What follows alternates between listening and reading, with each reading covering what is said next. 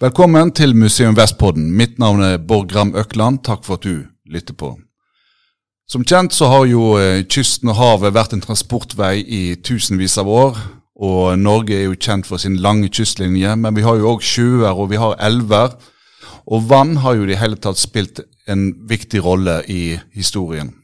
Og Temaet for denne podkastepisoden her er jo nettopp elver, innsjøer, høyfjellsvann, altså ferskvann. Hva kan maritime arkeologiske undersøkelser fortelle oss om bruken av vannet i historien? Bergens sjøfartsmuseum eh, i Museum Vest har forvaltningsansvar for maritime kulturminner under vann på Vestlandet og Sunnmøre. Dette er altså kulturminner som er beskyttet av kulturminneloven på oppdrag for Riksantikvaren. Med i studio for å snakke om eh, maritime kulturminner i ferskvann, så har jeg to av eh, museet sine marinearkeologer. Tord Karlsen og Thomas Bjørkeland. Velkommen. Takk, takk. Takk. Og Mange forbinder jo sikkert marinearkeologi med undersøkelser i sjø og spektakulære skipsfunn, ikke sant, som Vasa og Mary Rose. Men å foreta en undersøkelse i et skal vi si, avsides eh, fjellvann um, eller en elv, det fortoner seg vel uh, ganske annerledes, gjør det ikke det, Thomas? Eh, jo, for å svare på den første påstanden, så er det naturlig å tro at uh, altså, store krigsskip på 1600-tallet de, de, fanger mye interesse. Store heveoperasjoner for å bringe de opp til overflaten og stille ut museum gjør òg det. En har jo i ferskvann gjort funn av det som stort sett er mindre båter. Mm. Fysisk mindre båter, så i form av robåter oftest, eller stokkebåter. Eh, det er òg gjort funn av noen få dampskip, så en har jo skip òg faktisk i ferskvann. Ehm, det som kan gjøre undersøkelser vanskeligere teknisk og organisatorisk i ehm, ferskvann, er jo bl.a. Eh, vanskeligere tilkomst eh, i bl.a. Eh, høgfjellsområder. Dette kan i enkelte tilfeller føre til at en må bruke f.eks. helikopter for å komme seg til. I enkelte tilfeller så kan det òg være veldig dårlig sikt. Det har en jo òg i sjø, men ofte i ferskvann så kan det være en, større, en større tilvekst. Ehm, Eh, og det kan gjøre at det, det rett og slett er vanvittig dårlig sikt, til og med null sikt omtrent. Og, eh, og, det kan være veldig mørkt fordi det er lite lys som kommer til.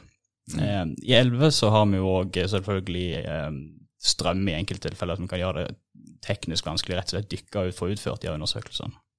Men Vil du si at det på en måte er vanskeligere å dykke ned og un gjøre undersøkelser i ferskvann enn i sjø? Nei, i utgangspunktet så trenger det ikke være det. altså på generelt så utfører en det veldig likt. altså så Det er mer de unntaksvise forskjellene, om det er elv f.eks., som, som kan gjøre at det blir vanskeligere. Men eh, du har kanskje noe å legge til, Tord? Ja, altså de logistis logistiske utfordringene er jo selvsagt forskjellige. Eh, men som eh, Thomas er inne på her innledningsvis, som kanskje er noe av det viktigste, er jo det at eh, funnmaterialet vil være vidt forskjellig. Sjø, kyst, det forbinder vi ofte med at vi har hatt kommunikasjon, vi har hatt handel, ferdsel. Det, er, det, har vært vår transportåre og vår kommunikasjonsvei i Norge så lenge vi har hatt folk her. Og til en viss grad så vil nok en del vassdrag også ha oppfylt den rollen. Men så snart det begynner å komme litt lenger unna kysten, så begynner vannene å få en helt annen rolle. Folk har hele tiden bodd i nærheten av vann. Ferskvann er jo helt opplagt veldig, veldig nødvendig for at man skal kunne bo og trives. Men i noen tilfeller så har man altså gått langt utenfor allfarvei også for å få tilgang på en ferskvannsressurs. Eh, hvorfor er nok like mange årsaker som det er tilfeller til. Eh, men forskjellene er veldig store. Og eh, det er kanskje ikke, som også er nevnt er innledningsvis, like spektakulært å se på de tingene vi finner eh, i ferskvann, men det er kanskje desto viktigere for å få en forståelse av hvordan mennesker har levd, hvilke kriterier man har levd under, man, hvilke behov man har vært ute etter å oppfylle. Mm. Og Dere to er jo med på marinearkeologiske undersøkelser på ja, hele Vestlandet, ganske hyppig. og Det er vel ganske mye i saltvann, skulle jeg si. Er, er, det, er det noe særlig med undersøkelser i ferskvann? Historisk sett så har det nok, i hvert fall fra eh, kulturminnemyndighetene sin side, vært litt for lite. Eh, det der fraværet fravær av bevis eh, har gjort det at vi kanskje ikke har prioritert det i den grad det burde ha vært. Eh, og så er det jo også sånn at vi, eh, måten kulturminnevernet er organisert på og finansiert i Norge, gjør at det må skje noe der. Det må være en utbygning eller eh, en planlegging som berører de vannmassene som er, er, vi kan undersøke, for at vi helt tatt skal få anledning til å undersøke noe. Når dere undersøker ferskvann, hva funn kan man gjøre? Altså, hva funnkategorier er dere opererer med? Siden du innleder med skip, eh, så kan jeg jo begynne med, med, de båtene som faktisk er gjort funn av. Og eh, vi kan jo skilte med, med, at de eldste båtene som er gjort funn av, eh, som har funnet, er, er i ferskvann. Eh, Riktignok er den eldste båten funnet i Norge ikke funnet i vårt forvaltningsområde, den er funnet i eh, forvaltningsområdet Norsk Maritimt Museum.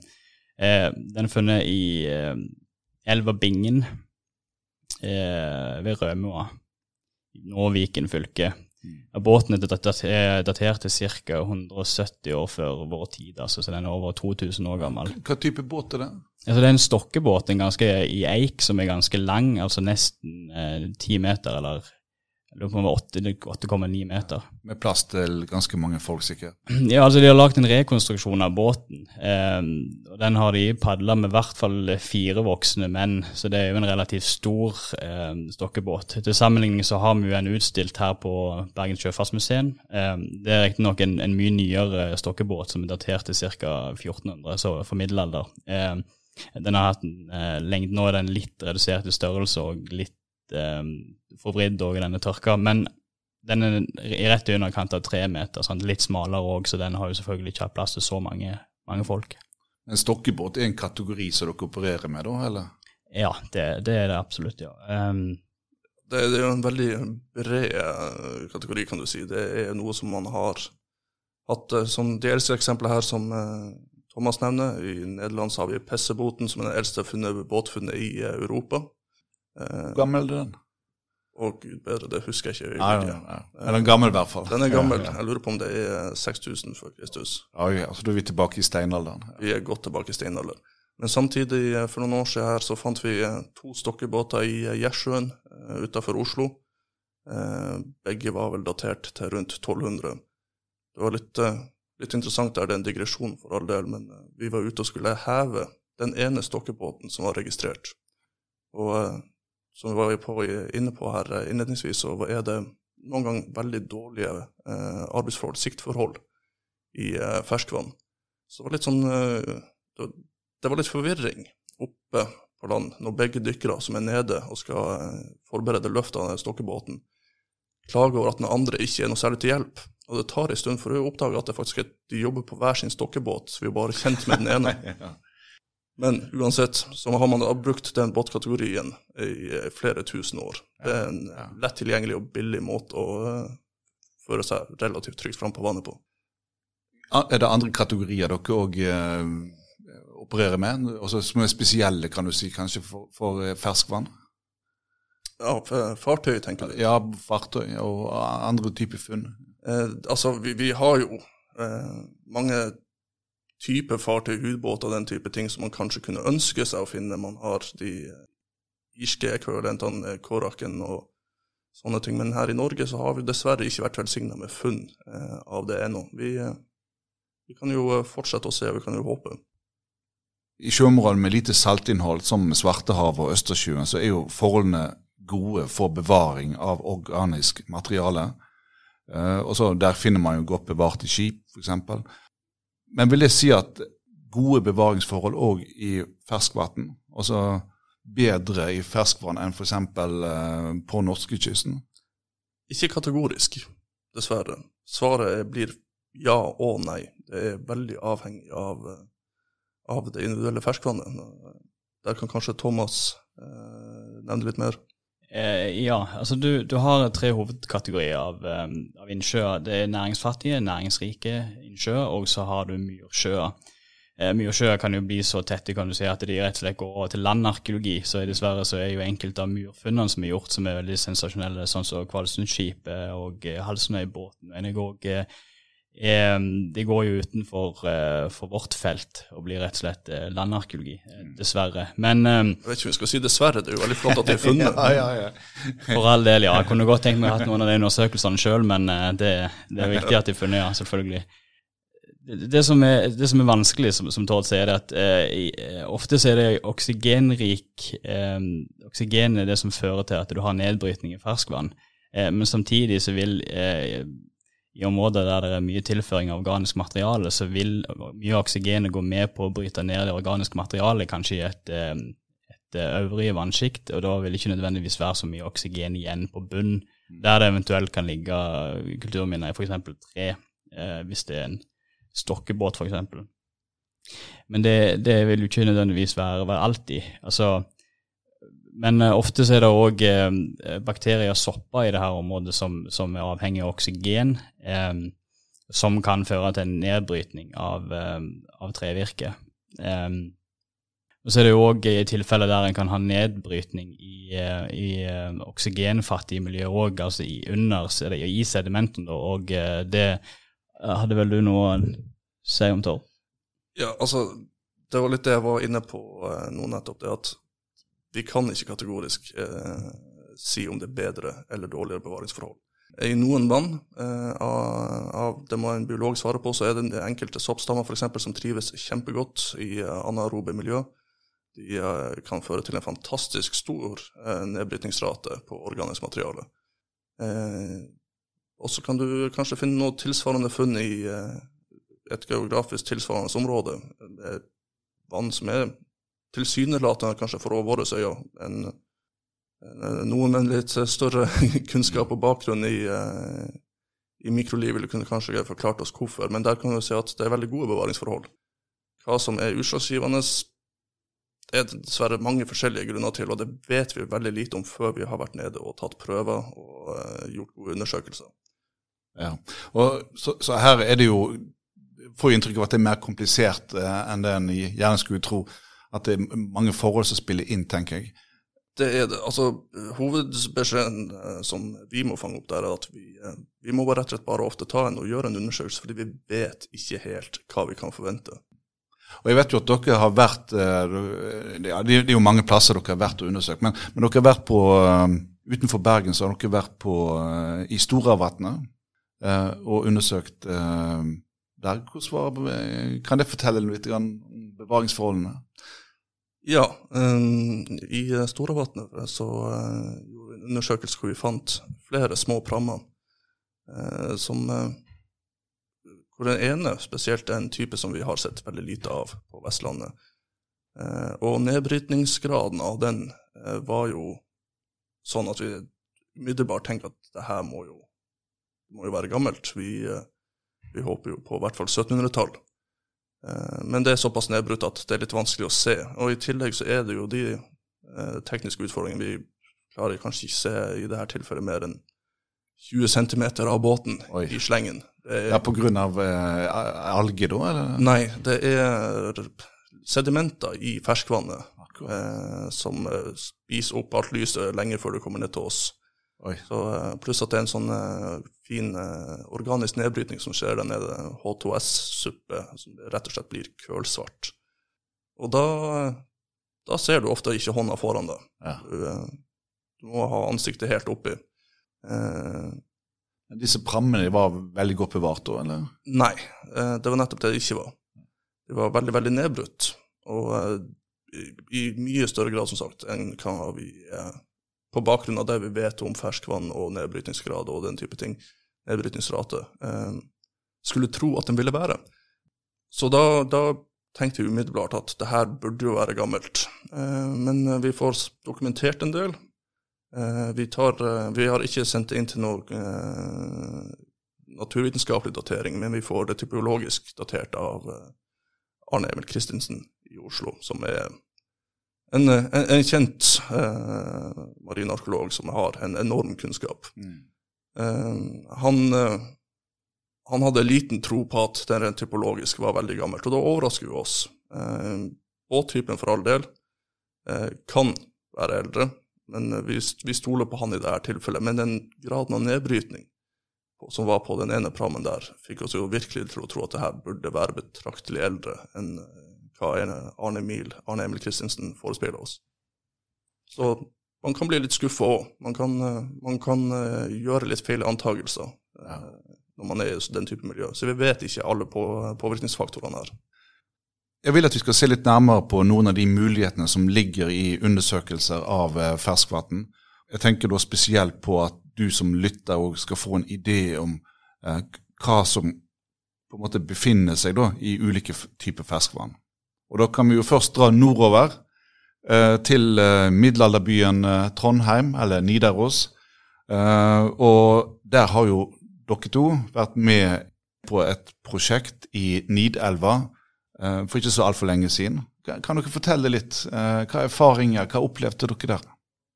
Ja, altså, jeg kan bare fortelle litt bakgrunnen først. Der eh, er det sånn at eh, vi ble forespurt av NTNU, eh, marinarkeologene som har ansvaret for bl.a. Trøndelag, om, om vi kunne bistå med, med, litt personell. Fordi de skulle ut, ha en utgravning av et brokar av gamle Elgseter bru. Elgseter bru er så vidt man kan lese seg til, den eldste broa i Norge. Den, den står ennå den dag i dag i en mye mer uh, modernisert versjon. Ja. Men det har vært bru på omtrent samme lokaliteten helt siden middelalder. For de som ikke er så kjent, også, det er altså det brua ikke sant, som kommer fra sør over Nidelva til nesten rett på Nidarosdommen, ikke det? Det stemmer. Det som var spennende med å dykke der, er jo egentlig at det var, det var tidvis sterk tidevannsstrøm fordi at elve, elvens utløp er rett ved, rett ved egentlig, altså, så, så, du merker tidevannsstrømmen. Så når en, um, en kunne dykke i et tidsrom, i hvert fall utføre en effektiv jobb i et tidsrom kanskje et par timer, rett og slett, før det var, før det var relativt vanskelige forhold. Eh, det var òg eh, en del eh, utvasking lenger oppe fra elva som førte til dårlige siktforhold. Eh, og det gjorde rett og slett at ja, generelt sett var det vanskelige arbeidsforhold. Men det var, det var veldig spennende for en jobb altså, på det som er en laftekasse som har blitt eh, en, eh, bygd opp av tømmer. altså En trekantform òg, noe som er litt spesielt. Eh, men det er jo rimelig å anta at en har gjort det for at, den, eh, at det brukharet skal kunne stå imot strømmen den står i, som er såpass sterk. Eh, så den har den altså tålt relativt godt i ja, ca. i overkant av 800 år. Det er jo utrolig lenge, dette. Men har de bygd den på en måte, også fundamentet for broa liksom ekstra kraftig, på en måte, da, mener du? eller? Ja, helt klart. altså Den er jo bygd opp Jeg, jeg husker ikke eksakt lengde på de lengste stokkene, men det er jo vel en, en rundt eh, fire meter pluss minus eh, eh, solide rundstokker. Eh, og kassen er fullt med stein, kan du si. sånn at det er jo en virkelig, virkelig solid eh, eh konstruksjon. Mm. Det, ja. det er et betydelig stykke ingeniørkunst for sin samtid. Nei, som, som, Thomas er, nevner her, så er de tekniske utfordringene ved å jobbe i en elv eh, kan jo nesten si seg sjøl. Eh, du ligger i tidvis i en veldig sterk elvestrøm og skal eh, og jobbe med noe som sannsynligvis er veldig ømfintlig materiale. En ting er det store stokker, at de fort kan kan tenkes som solid, men de er jo da også 800 år gammel, i hvert fall. Eh, og i tillegg så er det jo hele tiden, i og med at det er en arkeologisk utgravning, et håp om at vi, når vi graver oss nedover, at vi finner eh, annet materiale. Eh, ja, gjorde dere det der som broa var? Eller?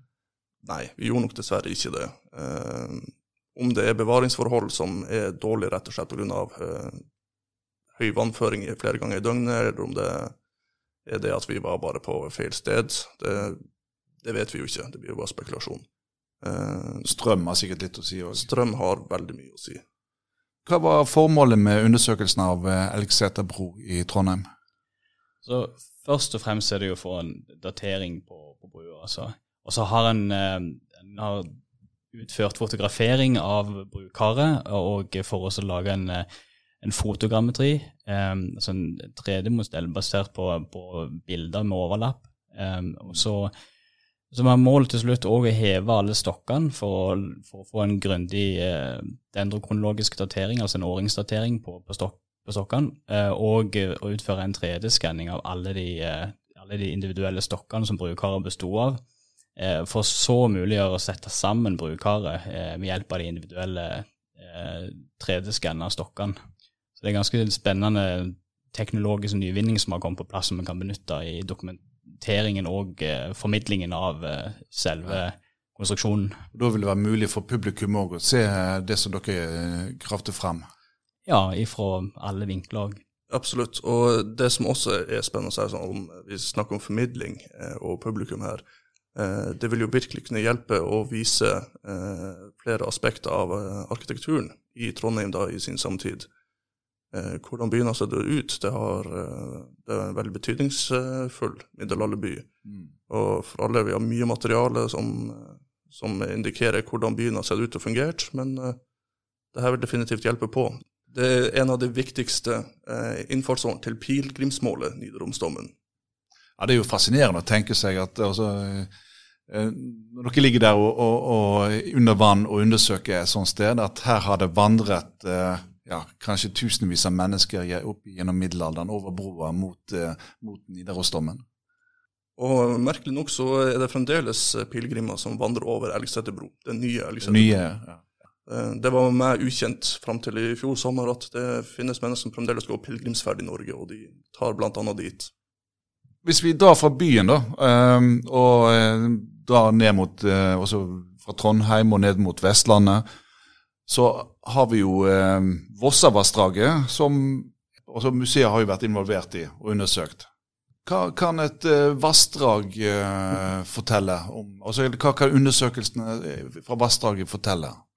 det som er litt interessant med, med, disse undersøkelsene, er at det er en av de få som er en, en forskningsundersøkelse, eh, iallfall i regi av Bergen Sjøfartsmuseum. Um, I 2009 så ble Bergen Sjøfartsmuseum kontakta Riksantikvaren og ble invitert med på et eh, såkalt eh, FoU-prosjekt, eller forskning og utviklingsprosjekt, eh, som de fikk midler til. Men de måtte utføre prosjektet innen det samme budsjettåret, altså 2009. Så da bestemte de seg for å utføre en undersøkelse i Vossavassdraget. De baserte det òg på skriftlige kilder og funnmeldinger som de ikke tidligere hadde fått anledning til å undersøke.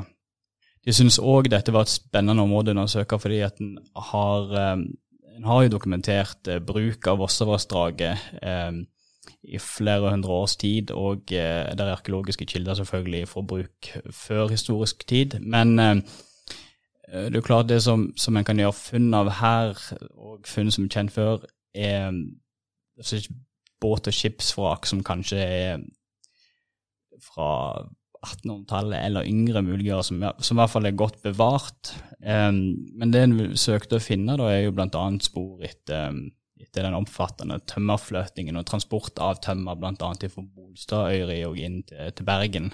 Akkurat. Så elleve år vassdraget har vært brukt til eh, også tømmereksport, mener du? Altså.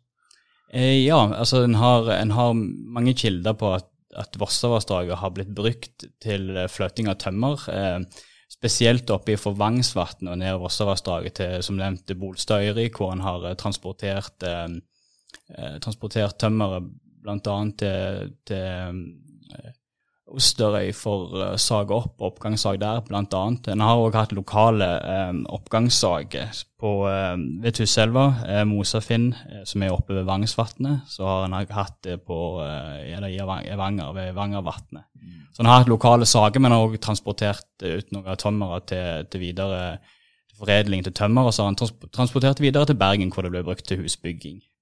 Og da snakker vi om sånn, sånn ca. 1800-tallet, eller er det før det òg? Ja, altså en har, en har gode skriftlige kilder på at en har utført dette eh, rundt 1600-tallet òg, men, eh, men eh, det må ha vært tidligere, fordi at kongen begrensa uttaket av trevirke på 1600-tallet. Og ved Vossavassdraget så, så vet en at en har hatt redusert produksjon da, faktisk. Så det er ikke, det er ikke sånn stor, stort uttak av tømmer i nasjonal sammenheng, men lokalt så var det ganske betydelig. Så det går såpass langt tilbake som ja, 1600-tallet, sier du, kanskje til og med før. Og, og, og er det altså Dette er jo den perioden vi snakker om skottehandel og, og hollendere sånn, som kjøper opp eh, tømmer på Vestlandet eller plank. Er, er, dette en del av det samme? Det er definitivt en eh, del av det samme. Og det med, med tømmerhandelen er jo noe vi i Jeg holdt på å kalle det sjøarkeologien, men jeg vet ikke om det er en forskjell med betydning.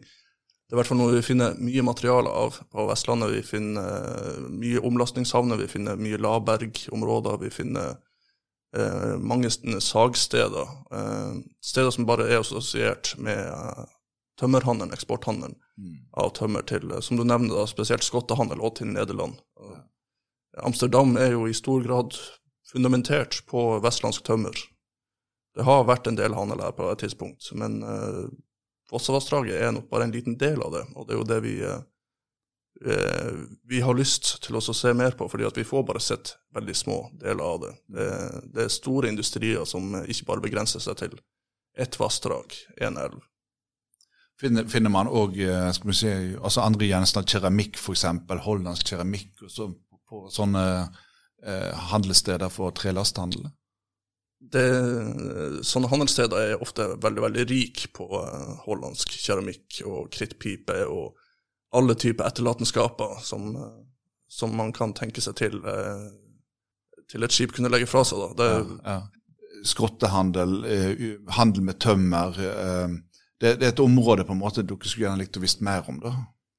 Ja, altså, absolutt. Men det er òg utført registreringer i forbindelse med plansaker og andre tiltak i bl.a. Vangsvatnet. Men vi har ikke funnet noe som er direkte tilknyttet tømmerhandelen men det ble vel i 2002 så ble det utført registrering eh, ikke så langt ifra Vossevangen. Og Da ble det funnet synketømmer. Men synketømmer ble i den omgang knytta til, til, samtidig eller mer moderne tømmerdrift, altså sagdrift, rett og slett i, i nærområdet, kan du si. Så det var rett og slett eh, moderne funn. Det ble også funnet en båt i den sammenheng, men det var en litt, litt mer moderne båt fra, fra etter 1900 i hvert fall, så allikevel litt spennende. Ja, og bare for sagt det, etter 1900, da blir det regnet som et kulturminne, da? Altså beskyttet av kulturminneloven? Funn i, uh, av båt er, har et hundreårsvern. Det er på lik linje med det samiske kulturminnene. Som betyr at hvis det er en tilvirkningsdato 100 år eller eldre, så eh, faller det under eh, kulturminnelovens bestemmelser. Så eh, i år, f.eks., så hvis vi finner en båt som er bygd i, i 1920, så vil den være beskytta av kulturminneloven. Så det er et, et hundreårsperspektiv her? Det er et hundreårsperspektiv. Så ja. Rent faglig så er det ikke alt som er like spennende etter hvert. Men, men hva, hva syns dere, altså, når dere tenker på Vossavassdraget, hva, hva hva syns dere var det spennende og interessante funnene som ble gjort der? Altså, vi gjorde jo òg funn ved en senere undersøkelse som, eh, som var litt forskjellige typer mindre båter. Altså en robåt òg som, som ble datert til ca. Ja, typologisk, da, men omtrent eh, 1900, den òg. Eh, men så fant vi noen mindre bruksbåter òg som virket til å være litt, litt mer moderne. Når, det er interessant sånn isolert sett, fordi at det, du kommer tilbake på litt det med bevaringsforholdene òg. Vi, vi, fant vel en båt som var, som var rusta, men som var lagd av eh, metall, eh, åpenbart, og relativt eh, tynt gods, eller skrog. Så eh, vi har vel liksom ulike teorier på hva det kan ha vært, men vi kan ikke si noe med sikkerhet. Eh, men vi antar at det er nytt. Uh, nei, som en moderne bruksbåt. Altså, jeg, jeg tenker ja. det kan være et lystfartøy, altså brukt til, til fiske. men uh, ja, Så det er ikke noe som er knyttet direkte til på en måte noe primærnæring i Vangsvatn og sånt, men det, det, er mer aktuelt for det litt eldre, den litt eldre robåten som vi fant. Så, ja. Og det som ofte er uh, tilfellet, og det, det, her går også tilbake til Nidelva, at når du har stor vannføring, så har du enkelte utfordringer. Ting vil ikke bli liggende lenge. Men sånn som i eh, Vangsvatnet, Voss eller Bolstadøyri, som også her er nevnt, eh, her eh, er det fantastiske oppsamlingsplasser for, for selvsagt veldig mye biologisk materiale, men også mineraler. Ting som elven vasker ut og deponerer i enorme mengder. Så det hender seg veldig fort at nedsedimenteringa skjer ekstremt hurtig at det finnes mye mer spennende ting og betraktelig eldre ting eh, nedover i sedimentene, det tror jeg nesten er hevet over enhver tvil. Eh, men eh, Rent teknisk så har vi ikke muligheten alltid til å finne de, fordi at det kan være en halvmeter med sedimenter oppå, og det kan være fem meter med sedimenter oppå. Oi, ja. Og det vet vi jo ikke før vi eventuelt en gang skulle fått anledning til å grave. Så eh, ting, ting er jo rundt omkring, men det er ikke alle steder at uh, vi, uh, vi rett og slett er kapable for å finne dem. Det vil kreve en enorm innsats. Ja, skjønner. Men dere har i hvert fall vist at uh, det er potensialet i den type vassdrag? da. Potensialet er der definitivt. Og Hvis vi drar fra si, vassdraget si, opp til vannene til innsjøene, så har du jo sånn som Loenvatnet. Og der har jo dere vært òg? Der har vi vært eh, ved flere anledninger. og eh, Det som er med Loenvatnet, for de som ikke er kjent med det, er at det er et helt fantastisk vakkert landskap. Og det har man vært eh, bevisst på lenge. Så nå på begynnelsen av 1900-tallet så dro man opp med mann- og hestekraft dampbåt til Loenvatnet, som skulle gå med turistfart. Man skulle skulle la de betalende komme og se hvor fint og vakkert det var. Eh, men det som er litt spesielt med Loenvatnet, er at det har vært utsatt for flere ganske dramatiske ulykker. Og hva som skjedde der, da? Der har det vært ras, eh, steinras, som har gått ned i vannet. Eh, og det har ikke skjedd én gang, det har skjedd to ganger. Akkurat samme greia. Det har vært enormt steinras som har gått ut av vannet, og man har en flodbølge som man har anslått til å være oppimot 70 meter høy. Oi, oi, oi. Så da har man bl.a. en sånn, et dampskip, eller et dampbåt er vel kanskje en bedre betegnelse, som har blitt kasta mange hundre meter opp i, eh, i fjellsida. Og alt som er av folk og buskap lokalt, har dessverre bøtta med livet i, i første raselykke. Ja, så, så, mener du at det ligger altså en båt oppe i fjellsiden? da? Det gjør det. Den kan du se fra veien den dag i dag. Um, og det som er litt interessant med det Altså, båtene i seg sjøl er sesong. Og jeg sier båtene fordi det er ikke én båt, det er to båter. Fordi at eh, Loenvatn var fremdeles ganske vakkert etter første raset. Og så eh, henta de inn en uh, ny turistbåt. Eh, tenkte at det fremdeles var verdt å hente inn penger på turisme. Og båten er til forveksling lik, og eh, har et til forveksling likt navn som den første båten også. Eh, og ofte når det går i det eh, skriftlige materialet, så omtales de om en annen, fordi at de er lett å forvirre. Og på nytt går det et ras. Og eh, båten som har likt navn tilnærma, og har en tilnærma lik konstruksjon, synker i Loenvatnet av en flodbølge. Så du har ett skip i fjellsiden, og så har du ett skip i vannet? Jepp, det har du. du og det er, det er, veldig dramatiske hendelser. Det er helt vanvittig å forestille seg hvordan det må ha opplevdes. Ja, ja. ja. men det her er jo da også fartøy som eh, faller under kulturminnelovens bestemmelser, så de er, de er verna av, eh, av kulturminneloven. Og de er tekniske kulturminner som er ganske spennende. Den oppe i fjellsida har fått ganske hard medfart. Den ble flytta betydelig lenger opp ved andre flodbølger mm. enn den i utgangspunktet lå. Så det er lite der som vitner om eh, hvordan den i utgangspunktet har sett ut, selv om den stadig ligger der. Eh, men i andre enden av vannet så ligger det da på eh, Vassbotn en båt til, som er igjen tilnærmet lik. Og Den ligger der den dag i dag og har ganske gode bevaringsforhold, fordi at det her er et av de vannene hvor det ikke er så veldig mye biologisk nedbrytning.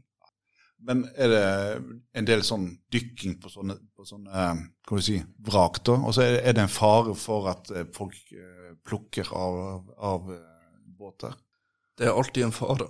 Men vi opplever ikke det i ferskvann å være like spennende for folk å være og plukke med seg ting som det vi ofte ser i, i sjøen. Der, der, der, er det en del dessverre som har lange fingre. Men eh, jeg tror nok også det har, eh, det har litt med kategoriene å gjøre. Eh, det er mange som syns at krigshistorie er veldig spennende, og, og, da blir det selvsagt mye mer aktuelt for de å gå og hente seg noe memorabilia fra et krigsvrak enn det er fra f.eks. en turistbåt i Loenvatn. Så vi kan gå fra trelasthandel ned med fjorden og i vassdraget sant, med fløting av tømmer til det spor etter turisme som dere finner i, i Loenvatnet. Og vi kan jo dra enda lenger til fjells når vi først er ute på tur. Og så hvis vi drar til eh, Sumtangen eh, på Hardangervidda, så er det jo, uh, det er jo et høyfjellsvann. Og hva kan du gjøre av funn der oppe? Ja, Sumtangen ligger jo ikke så langt ifra Hardangerjøkulen. Um, så det er et spennende område som ligger høyt på fjellet. altså det her er jo høyfjellsarkeologi. En har tidligere gjort funn på, på land på Sumtangen. Um, det er spesielt funn av uh, boplass uh, og kullgroper. Slakteavfall i form av beinrester er jo uh, noe hovedgjenstandsmassen av funnet. Så gjorde en undersøkelse i 2006 i, ved Sumtangen der en ønska å finne ut om det òg var mulig å finne tilsvarende, eller gjøre tilsvarende funn i, i vann. da i Finnsbergvannet, som ligger rett ved Sumtangen. Og det var fordi en hadde en teori om at de hadde brukt eh, altså jegerne eh, i, i, hovedsak middelalder og jernalder da, i denne omgang eh, ønska å undersøke om hadde brukt vannet som en del av en naturlig barriere eh, i jakten da, for å hindre regn og, og, rett og slett flykte. Eh, det, det, det, gjorde små funn av beinrester i Finnsbergvannet, som ligger rett ved Sumtangen. Det ble eh, utført uh, visuelle registrering, altså egentlig overflateregistrering, som de kaller det på land. Men du, du, du, svømmer rett og slett og så ser hva som ligger på bunnen. Um, det her er såkalt næringsfattig innsjø, så der er jo ikke så veldig mye tilvekst og organisk materiale heller. Så det var det, det veldig, veldig grunne sedimenter å grave i. Det gjorde de, de prøvde å grave i, i, prøvesjakt òg. Men det var òg uh, brukt talldetektor, hvis jeg ikke husker helt feil. Men det går ikke det helt store utslaget akkurat her. Vi kommer tilbake til en lokalitet senere. Men det var, i dette vannet så var det rett og slett få uh, beinrester for, for reinsdyr. Så det førte til at en fikk avkrefta teorien om at en hadde brukt eh, vannet til å fange reinsdyr. eller En hadde tydeligvis ikke skutt så mye reinsdyr i selve vannet, men har da kanskje allikevel brukt, i, eh, brukt vannet som en naturlig barriere da, eh, for flukt, fordi en har det meste av, av beinrestene på, på, land, rett og slett. Men de har ikke brukt båt altså til å fange reinsdyrene, de har tatt dem på land? Så vidt jeg husker, så ble det ikke Du, du kan gjerne rette meg på det, Tord, men så vidt jeg husker, så var det ikke gjort funn av, av båtnagler her. I hvert fall ikke særlig mange. eller i Det hele. Det tror jeg ble gjort ved Ørteren, som var en del for så vidt av det samme prosjektet, men det var jo i, i eh, et vann i Buskerud. Vi kan for så vidt gå nærmere inn på det. men... Det stemmer. Det, det var vel ikke funnet båtnagler der i, uh, på Sumtangen. Uh, men det betyr jo selvsagt ikke at man ikke har brukt brukt vannet på noen annen måte enn som en barriere, men eh, man har gode indikasjoner på det. Så fravær av funn vil også være indikativt, så lenge man har eh, nok støttende materiale på land. Og Du nevner Ørteren som et annet fjellvann på Hardangervidda, eh, der det òg har vært eh, fangst av reinsdyr i stor skala. Hva, hva funn kunne man gjøre i sjøen der? Ja, En gjorde jo relativt like undersøkelser i, i Ørteren. Altså Ørteren er en, en innsjø i, i Hol i tidligere Buskerud. Um, og ved de undersøkelsene så fant en altså opp mot 15 eh, kilo eh, beinrester. Så det tyder jo på en betydelig størrelse på, på jakten da. Altså, er det snakk om middelalderen da òg, eller? Eh, ja, det var vel primært middelalderen. Jeg tror det, det meste av materialet er datert til 1200- og 1300-tallet, ja. Eh, på Sudentangen så er det jo eh, funnet eh, spor etter mange runder av aktivitet, og forskjellig aktivitet. I de eldre tider så har de jo deponert, eller kasta om du vil, mye materiale som du senere i middelalderen ser at de, at de, de, gjerne da tar med seg bort fra jaktstedet, sånn som gevir. som Vi vet jo det at de har hatt en stor produksjon av kammer, bl.a. i Bergen, og andre, eh, andre, produkter som krever eh, den type beinmateriale, og grevirer. mens i eldre tider så har man da kanskje ikke hatt samme behovet for å kjemme sitt hår, eller lage den fineste knive, lage det fineste knivskaftet. så det eldste materialet der, der ligger det fremdeles veldig mye materiale fra reingevirene. Mens oppe i middelalderen så ser du ingenting av det. Da er det tydeligvis en handelsvare. Det tar man med seg vekk fra stedet. Så man går ifra matauk til industri. Ja. Og da går det til Bergen, sikkert. Det er rimelig å tro at mye av det har gått til Bergen, ja. Mm. Ja, Det som er litt interessant med Ørtan, er jo at det var et regulert vann. Så, der, eh, så, så da hadde en jo oversvømt eh, eller demma ned deler av de lokalitetene som tidligere hadde ligget på land. Så det en gjorde funn av i, i, vannet, da, som nå hadde blitt regulert, det var jo òg eh, tre tufter eh, og eh, to beinhauger som en antar at eh, ja, som, som, da faktisk hadde ligget på land tidligere, før, før det ble regulert. Ja. Eh, det som de beskrev, var at det var mulig å få en bedre oversikt når en lå i, i vannflaten og så ned på det, for da får en jo et helt annet perspektiv eller når en går på, på overflateregistrering på land og ser disse tuftene som en del av landskapet. Eh, det er jo ikke så mye igjen. Kommer mer tydelig fram, på en måte? da, altså... Eh Eh, ja, det er litt lettere kanskje å se konturene av ei tuft, sånn som egentlig i enkelte tilfeller det som kan være igjen, er bare en steinsetting, kanskje enten i sirkel eller eh, en kvadratisk eller rektangulær eh, steinsetting, kanskje som er fundamentene av det som har vært en form for bu eller tilsvarende, rett og slett for å ha ja, skjul mot eh, vind og vær. Det er jo fortsatt vind og eller værhardt oppe på Hardangervidda, det har det vært i, i alle tusen år, så det her er jo ikke sånn veldig gjestmilde jaktmerke. Eh, også på Ørten der, så vi var inne på det, der er det jo funnet båtnagler eh, i eh, avfallsmaterialet. Så det er jo tydelig at de har hatt båt, men eh, hva de har brukt båt til, om det har vært brukt til jakt, om det har vært gjort til, brukt til fiske eller hva, det vet vi ikke. Vi vet ikke hvilke type båter det er heller. Vi vet bare at de har hatt båt der, og at båtene tydeligvis ikke vært nok til å bli tatt med ned igjen. Vi har eh, vært innom eh, elver, vi har vært innom vassdrag, vi har vært i vann, fersk innsjø og, og, og, høyfjellsvann.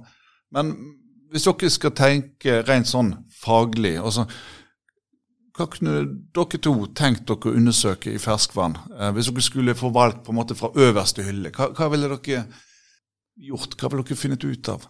Det er et, eh, for min del i hvert fall, et ganske vanskelig spørsmål. Eh, fordi svaret blir bredt bare fordi vi har veldig mange kunnskapshull. Eh, som denne eh, podkasten også illustrerer. Vi, vi, snakker om et spenn på flere tusen år. Det er enormt eh, stort spenn i kategorier.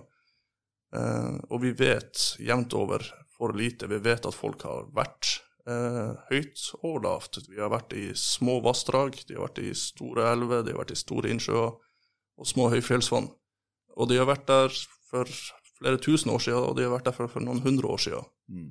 Eh, og alt derimellom. Eh, vi, vi, har utrolig mye kunnskap å hente der, og vi har utrolig mye kunnskap å hente i veldig stor grad fordi vi har litt for lite anledning til å undersøke. Eh, mens det, det, er den første delen av mitt svar på det spørsmålet. Den andre delen er at jeg har jo egentlig kjempelyst å komme litt opp i høyden og uh, få, se på de, uh, få se på de mulighetene for undersøkelser der. Vi, du tenker du på høyfjellsarkeologi? da? Vi, vi tenker på høyfjellsarkeologi. Der er det jo pga. klimaendring og sånne ting, det er stadig nye muligheter som åpner seg. Det er, blir gjort nye funn hele tiden. Eh, og det, jeg tenker det er rimelig å tro at vi har veldig mye som viser til menneskelig liv og virke som vi, som vi ikke er klar over per i dag. Mm. Og kanskje bevaringsforholdene òg er veldig gode i, i, I steder? I høyfjell så er de ofte det, fordi at eh, tilsiget av vann er ofte veldig lokalt smeltevann. Det er ikke så veldig stor vannføring inn i vannene. Som betyr at nedsedimenteringa ikke skjer så veldig fort. Og eh, det fint lite av eh, trær og, og gress som havner på vannbunnen der og forråtnes og ødelegger forholdene. Så det som Thomas nevnte her, er nettopp at de, de, mange av de kulturminnene ligger nesten helt i overflaten av, av bunnen. Eh, tror du kunne tenkt deg altså å undersøke mer uh, høyfjellsvann, men hva ville du sagt, Thomas? Ja, Det kjedelige svaret er jo det samme. Altså, Vi har jo ikke koordinert til å snakke om det heller, utrolig nok. Men vi utførte jo registrering oppe ved, ved Haukeli i Ullevåvatn hovedsakelig. Og eh, fordi det var et funnpotensial for, eh, for eh, steinalderlokaliteter som har blitt funnet i, i nærliggende vann, eller ja, tilgrensende vann egentlig til Ullevåvatn, litt, lenger, litt lenger ned. Men uh, i den omgang så, så, gjorde vi ingen funn av steinalderlokaliteter. Men det betyr jo ikke nødvendigvis at de ikke er der. Nå var det ikke hele vannet som var en del av den, den daværende reguleringsplanen heller. så det men selvfølgelig, hvis det her var snakk om en, en, forskningsundersøkelse, så kunne vi kanskje valgt litt mer fritt. Um, det hadde òg blitt um, gjort funn av et uh, i hvert fall et jernaldersverd, hvis jeg ikke husker feil. Kanskje yngre jernalder eller vikingtid. Så det ble jo søkt i vann òg med metalldetektor i nærliggende område, men det her var jo mest sannsynlig bare et individuelt løs funn. Det var det. Uh, det her er jo den Vi omtaler det gjerne som postveien fra vest til øst, som går over der, men det har jo vært ferdselsåre der helt ifra folkevandringstid, i hvert fall.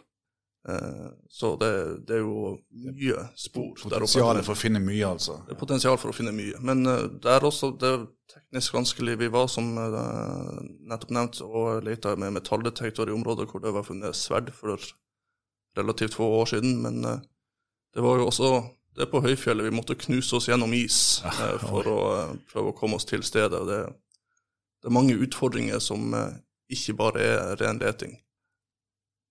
Takk til deg, Tord Karlsen og Thomas Bjørkeland. Begge er marinearkeologer her ved Bergens sjøfartsmuseum i Museum Vest. Og har du lyst til å vite mer om marinearkeologi, så kan du jo besøke Sjøfartsmuseet og se på noen av de gjenstandsfunnene som er utstilt i, på museet. Takk til deg som hører på òg. Og vil du abonnere på Museum Vestpodden, så finner du den på Spotify bl.a., og du finner den på Museumspodden. På gjensyn.